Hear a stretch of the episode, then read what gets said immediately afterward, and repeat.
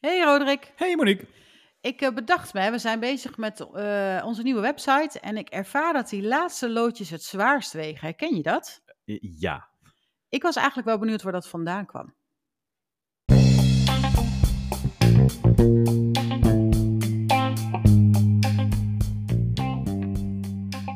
Welkom bij de podcast Gedrag van alle dag van Behavior Boost. We nemen je mee naar alledaagse voorbeelden van onbewust gedrag hoe het ontstaat en hoe je het ook bij jou op de werkvloer kunt herkennen en beïnvloeden. Want gedrag is overal en altijd.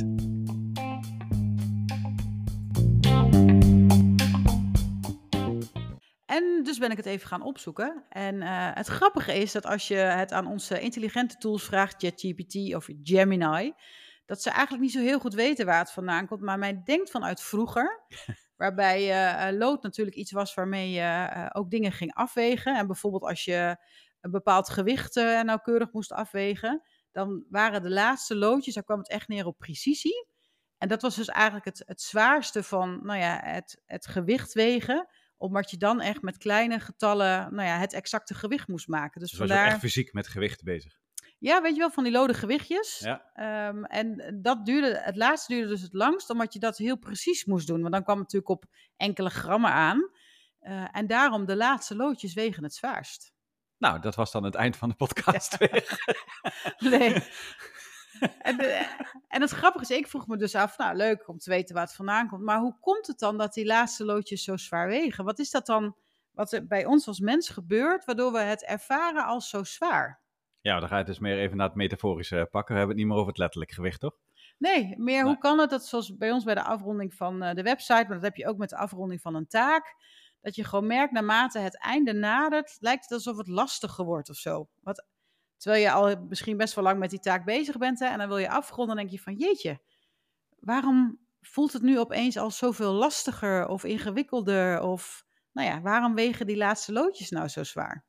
Ja, als ik... Uh als ik even voor mezelf spreek, dan merk ik wel dat de laatste loodjes altijd enorm veel headspace uh, innemen. En het lijkt ook altijd alsof op het allerlaatste moment er van alles en nog wat uh, oppopt. Vooral ook meer in de detailsfeer. Want vaak de grote lijnen heb je al wel in de eerdere fases al, al neergezet. Maar er poppen allerlei details op die je allemaal nog moet, moet afronden. ja, dat neemt natuurlijk ook gewoon ongelooflijk veel headspace in. En daar moet je over nadenken. En als er iets is wat ik in ieder geval niet heel fijn vind, is dat ik heel erg lang moet nadenken over van alles. Dat is gewoon hondsvermoeiend. Ja, grappig dat je dit noemt, want dit noemen ze dus een van de uh, psychologie-effecten die men ook wel noemt. Dat noemen ze anticipatie. Ja. En het gaat er inderdaad om dat je het gevoel hebt dat, uh, omdat je zoveel details in die laatste stappen moet zetten, dat het een soort van extra gewicht geeft aan het afronden van de taak. Omdat ze zo cruciaal zijn, om het af te ronden. Dus je merkt, net wat jij zegt, hè, je bent heel abstract bezig. Denk, nou, dat loopt allemaal lekker grote lijnen. En naarmate dan het einde in zicht is, merk je, ik moet wat meer aandacht aan details besteden. En dat weegt dan zwaar. Of jij hebt het dan over headspace. Maar dat, dat leidt er dus toe dat je denkt van, wow, dat einde, dat, uh, poeh, daar nou, moet ik wel even moeite voor doen, dat idee. Maar volgens mij heeft dat ook wel wat te maken met het feit dat we als... Uh, uh, nou ja, als, we zeggen wel eens dat we als mens zijn eigenlijk ontzettend lui zijn geschapen. Alles wat moeite kost, doen we eigenlijk liever niet. Uh, en daar zie je dan natuurlijk ook dingen er terugkomen als, als, als gewoon gewoontegedrag en dat soort dingen. Maar dat doe je allemaal automatisch. En op het moment dat we ergens heel expliciet over moeten gaan nadenken, dan moeten we daar ook een, specifiek stukje hersencapaciteit voor, uh, voor gaan inzetten. Uh, en die hersencapaciteit hebben we wel, gelukkig. Alleen het kost zoveel energie dat we wel heel erg goed nadenken over het inzetten van dat stukje hersencapaciteit. En als ik dan kijk naar, naar de laatste loodjes, waar je actief moet nadenken over, heb ik nu langzaamaan alles afgerond? Uh, hebben we aan alle details gedacht? Hè, zijn we nu inderdaad straks dan ook echt daadwerkelijk klaar? Dat betekent dus dat ik dus heel erg actief en heel bewust moet gaan nadenken over van alles en nog wat. En dat is gewoon heel vermoeiend. Ja, ik denk dat zou inderdaad een goede kunnen zijn. En zou het misschien ook te maken kunnen hebben dat als jij aan een project of een taak begint, dat je vaak begint met nou ja, de low-hanging fruits, de dingen die makkelijk zijn, de dingen waar je, nou ja, wat jij ook zegt, weinig breinwerk voor nodig hebt. En naarmate je meer aan het einde komt, dan komen ook die taken die je stiekem de hele tijd voor je uit hebt geschoven, komen aan bod. uh, nou ja, in ons geval, uh, een onderdeel van de website was uh, evenementen, trainingen, workshops die we wilden geven. En dat vonden we toch wel best wel spannend en ingewikkeld, of weet ik veel wat we ervan vonden. Feit was dat we dat onderdeel steeds voor ons uit bleven schuiven, waardoor het ook in ons hoofd heel groot werd. En het grappige was, toen we het eenmaal hadden gedaan, dachten we, was dit nou hetgene waar we zo moeilijk over hebben gedaan? Maar ik kan me ook wel voorstellen, als ik dan ook denk aan, aan projecten die je doet, of uh, ook op de werkvloer, als je met iets bezig bent, dan begin je toch vaak met de makkelijke dingen. Ja. Uh, en hetgene waar je ja, of veel energie in moet stoppen, of waar je over na moet denken, of wat je minder leuk vindt, of wat je spannend vindt, dat stel je uit. En misschien dat het daardoor ook wel zwaarder weegt, omdat je er dus misschien ongemerkt ook te veel gewicht aan hebt gehangen. Ja, het is een beetje vermoeid. Je raakt een beetje vermoeid ervan. Constant over maar over moeten nadenken, de moeilijke dingen maar niet willen doen, totdat je op een gegeven moment op dat punt komt, ja, nu moet je wel. Ja, dus het heeft ook wel wat te maken met uitstelgedrag, dat je dingen gewoon niet oppakt. En ik merk ook bij mezelf, als ik met iets heel groots bezig ben, en dat herken ik ook nog wel uh, als ik bijvoorbeeld een productintroductie of zo uh, deed bij mijn eerste werkgever, of ik maakte een gaaf plan voor een klant bij, bij Unilever of Axo Nobel, dan werkte je naar dat moment toe, maar dan had je ook wel zoiets van, oh, maar als het dan geweest is, wat dan? Val ik dan niet in een heel groot zwart gat of zo? En daarom wilde je eigenlijk niet naar dat moment suprême, omdat je dacht van ja, wat, wat komt er dan daarna? Het is eigenlijk wel grappig dat je zegt dat zwart gat, hè? want dat, dat insinueert ook een klein beetje dat er sprake zou kunnen zijn van uh, uh, bijna een stukje verliesaversie. Hè? Dat, is, dat is dat principe waarin we uh, als mens zijnde het erger vinden om iets te verliezen. Het gevoel van iets verliezen is sterker dan het gevoel van iets winnen. Dus op het moment dat dan vanuit zo'n laatste loodjes het eind begint te naderen, waarin je natuurlijk een heel actief proces hebt gehad en je langzaam aan toe bewegen bent naar dat ene punt waarvoor je het allemaal doet, ja, dan is het op een gegeven moment ook wel klaar. En dan? Dat is natuurlijk ook wel heel erg eng. En eigenlijk vinden we dat, dat hele beeld van en dan, dan, dan verlies ik dus eigenlijk iets, hè, want we zijn er heel druk mee bezig geweest. En dan ineens heb ik een hele hoop tijd over. Dat zou je ook kunnen zien als winst. Maar aan de andere kant ook van ja, met het proces erover nadenken, dat soort dingen is natuurlijk ook allemaal hartstikke leuk. Het is een heel creatief proces vaak geweest. Ja, daar ben ik dan straks kwijt. Dat vind ik eigenlijk helemaal niet zo leuk. Nou, en, en dat inderdaad, maar ook een beetje de dualiteit. En als het dan klaar is, want er zit misschien ook wel een soort van angst achter van, is het dan wel goed genoeg? En ga ik daarmee dan bereiken wat ik wil bereiken? Uh, als dat niet zo is, dan, dan is het misschien inderdaad een heel groot doem zwart gat scenario wat opduikt. Hè, van, nou, dan heb ik dat allemaal gedaan en dan is er dus niks meer. Er is geen leven meer hierna. Zoiets. Ja, zoiets. maar laten we, dat, uh, laten we het niet zo zwaar maken. Maar als ik hem omdraai, wat nou als het wel succesvol is? Nou, dat dus vind ik ook heel eng hoor. Ja, precies. dus wat nou als er helemaal geen zwart gat komt, maar dat ik word, soort van word overvallen door mijn succes in het, doordat ik het project heb afgerond. En wat dan? En dan is het cirkeltje wel weer een beetje een soort van rond waar we het net al over hadden. Want wat nou als ik nou succesvol word? En daar ben ik dus nu al over aan het nadenken in die laatste loodjes. Dus ik ben al aan het nadenken over alle stappen die ik hierna zou kunnen gaan doen. Want stel dat het nou succesvol gaat zijn. Wat moet ik dan allemaal doen? Terwijl ik ook nog bezig ben met het nadenken over die laatste details om deze fase af te ronden. Ik, alleen al het vertellen hierover klinkt al vermoeiend. Nou ja, en uh, precies wat je zegt, want dan snap ik ook wel waarom ze zo zwaar zijn.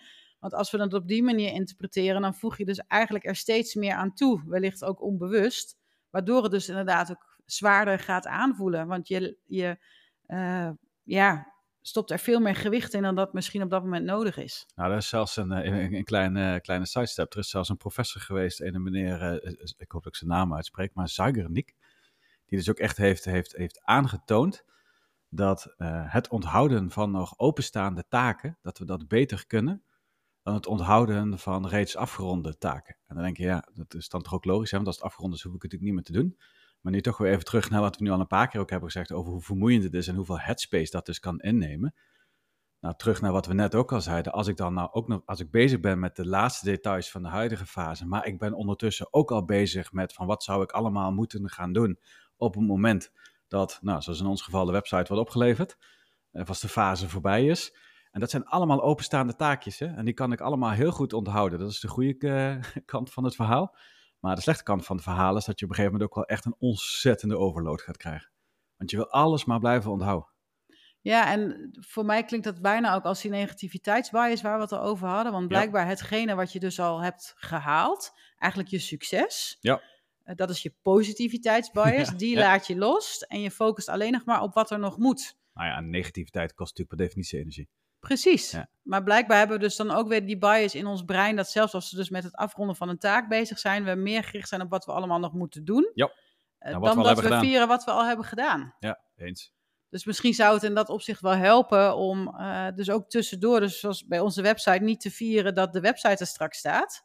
Maar dat we tussendoor ook al de successen vieren, waardoor je eigenlijk ook de laatste sprint uh, ziet als onderdeel van het geheel en niet meer als een soort van overschaduwing van alles. Dat is natuurlijk wat er gebeurt. Je maakt iets heel kleins zo groot dat het als het ware over de rest heen ligt. Ja, ja dat geloof ik ook wel. Ik, ik doe me ook wel een beetje denken aan. Uh, uh, het, uh, weet je, die laatste loodjes.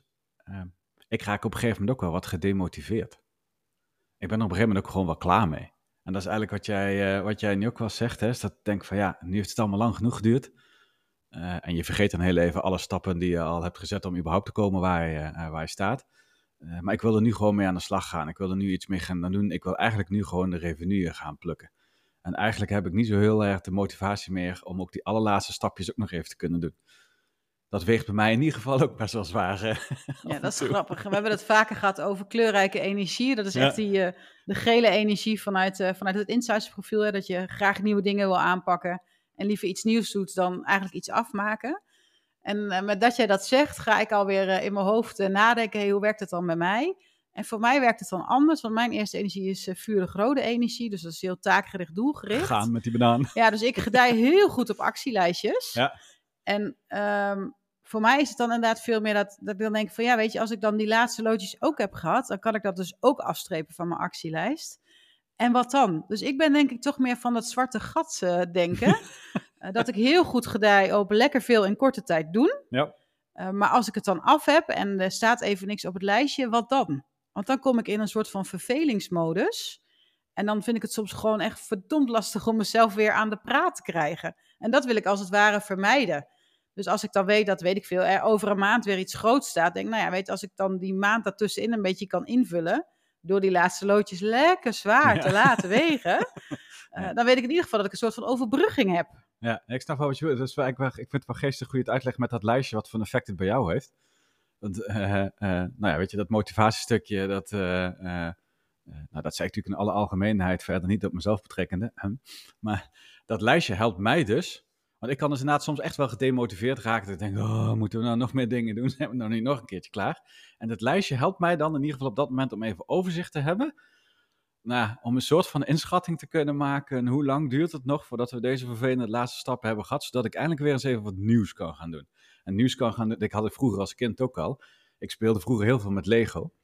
Maar ik vond het bouwproces, dat vond ik verschrikkelijk. Dat duurde me echt, al die bladen, één voor één, al die plaatjes af. En dan moet je die stomme stukjes er allemaal bij zoeken. Dat, dat vond ik in het begin altijd heel erg leuk. Uh, zullen we zeggen, de eerste drie pagina's van de 200, dan had ik er nog wel lol in. En daarna was de lol er heel erg snel vanaf. Want mijn, ik zat alweer in mijn hoofd. Dat ik denk van, oh, maar ik zie die hele mooie Lego-doosje. Dat is al helemaal af. En dat kan sturen. En dat motortje beweegt. En dan kunnen die wieltjes draaien. Als ik een motortje opzet. En het volgende punt dan weer. motortje erop zet. Dan gaat hij vanzelf rijden. Ik wil ermee spelen. Maar ja, toen moest ik nog 197 pagina's aan uh, uh, Lego-instructie. Um, ja, ik kan, ik kan dan een lijstje hebben waarin ik dan dus kan zien wat moet ik nog doen en kan inschatten hoe lang duurt het dan nog voordat ik dan eindelijk kan gaan spelen. Ja, dat helpt mij dan dus heel erg. Ja, en als ik dan weer even terugpak naar die laatste loodjes, want je hebt het over met Lego spelen, dus dat ik interpreteer dat ook even als een, een hobby uit je jeugd. En nou ja, ik weet dat je het nog steeds leuk vindt om in ieder geval te bouwen nu. En dan moest ik opeens aan een, ander, aan een hobby van mezelf denken, namelijk dat ik uh, een hele lange tijd uh, dingetjes heb gemaakt uh, op de naaimachine. En toen dacht ik, ja, daar wogen de laatste loodjes eigenlijk ook altijd het zwaarst. En hoe kwam dat nou? Omdat ik dan bang was dat ik het niet goed had gedaan. En dan ja. kwam mijn perfectionisme heel erg in beeld. Uh, dat ik dacht van, maar weet je, uh, werkt het wel goed? Ziet het er wel mooi genoeg uit? Uh, ik heb het een tijdje ook verkocht. Zouden mensen het wel mooi genoeg vinden? En dan, en dan merkte ik dat juist bij die laatste loodjes het perfectionisme mij echt parten speelde. En dat heb ik bijvoorbeeld ook als ik een. Uh, ik vind het ook heel leuk om een, uh, een kleurpaad in te kleuren. En dan lekker die kleuren te mengen, de vrije loop te laten en iets moois van te maken. Maar naarmate ja. ik dan dichter bij het eind kom, dan denk ik, oeh, is het wel mooi genoeg? Is het wel goed genoeg? Dus dan is het eigenlijk een beetje dat perfectionisme uh, wat me in de weg zit, omdat ik het dan allemaal zo perfect en zo goed wil doen. En dat kan er voor mij dus ook voor zorgen dat bij dat soort dingen die laatste loodjes ook zwaar wegen. En ik denk dat dat met name bij uh, nou ja, zoals bij een hobby is, omdat je, dat is een hobby. Dus daar ben je ook niet per definitie in geschoold of zo.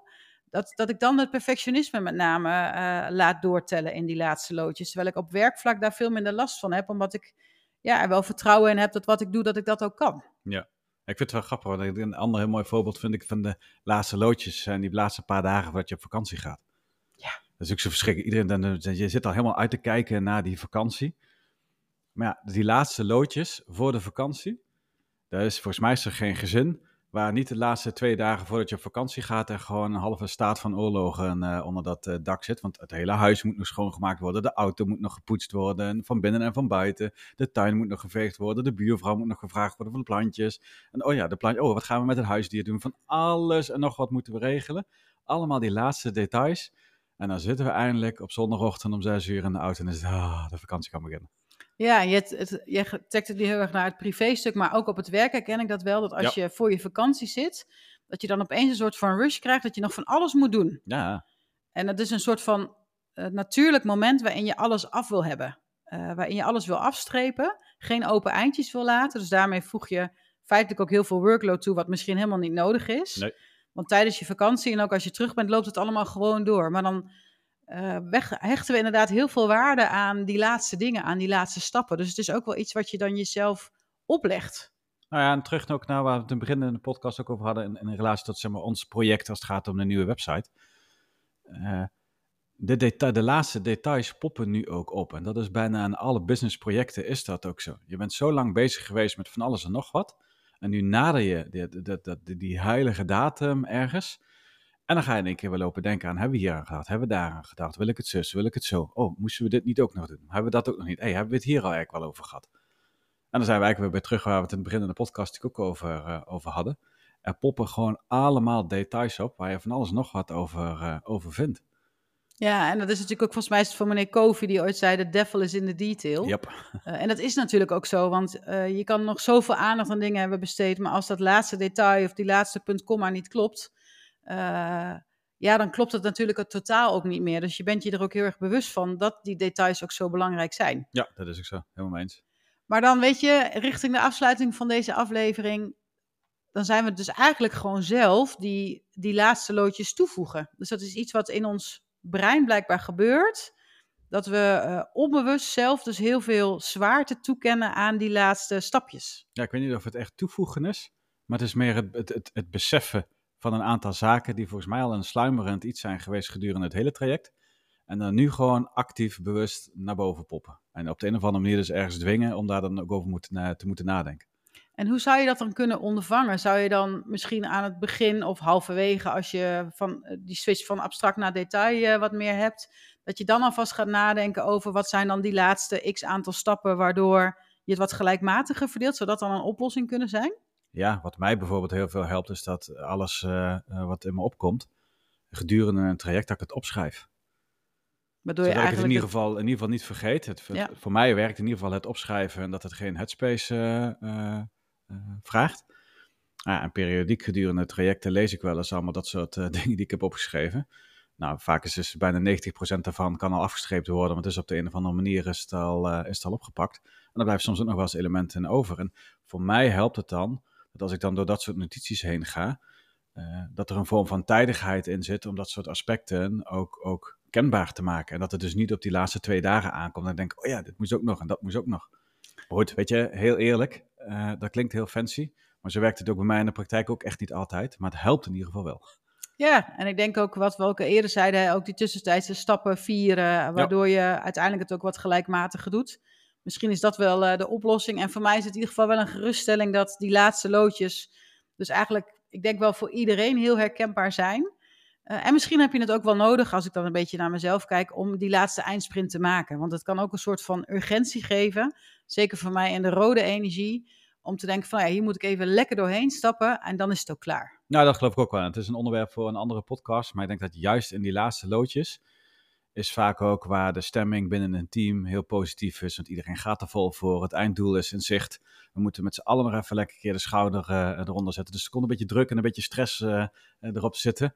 En dat is uiteindelijk, zeg maar, voor de teamgeest en dat soort zaken, is dat eigenlijk ook alleen maar goed. Want we're in this together.